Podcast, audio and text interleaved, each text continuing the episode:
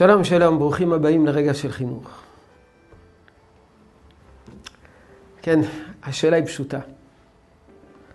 האם אנחנו רואים את ה... אנחנו כהורים רואים את החופש הגדול כעונש,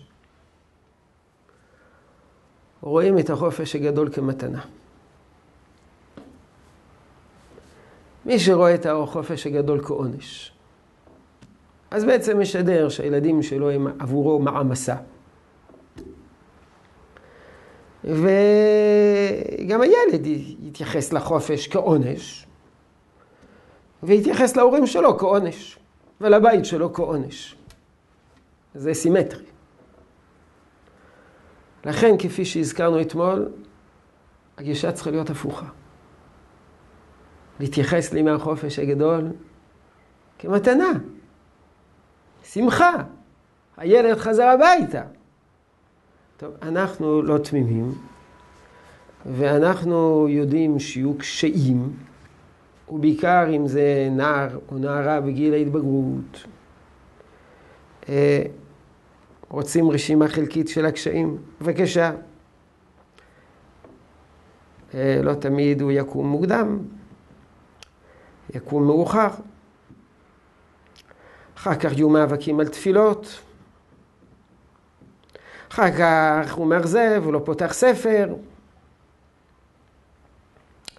אחר כך הוא יוצא לבילויים בלילה, והיא יוצאת לבילויים בלילה.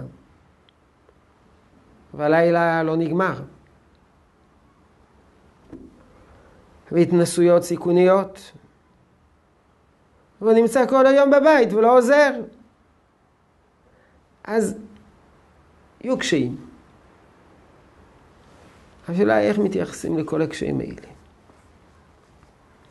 מתייחסים אה, לקשיים האלה כקשיים, קושי מתוך שמחה, או שמתוך ראייה חיובית, נמצא איתנו, יחד איתנו.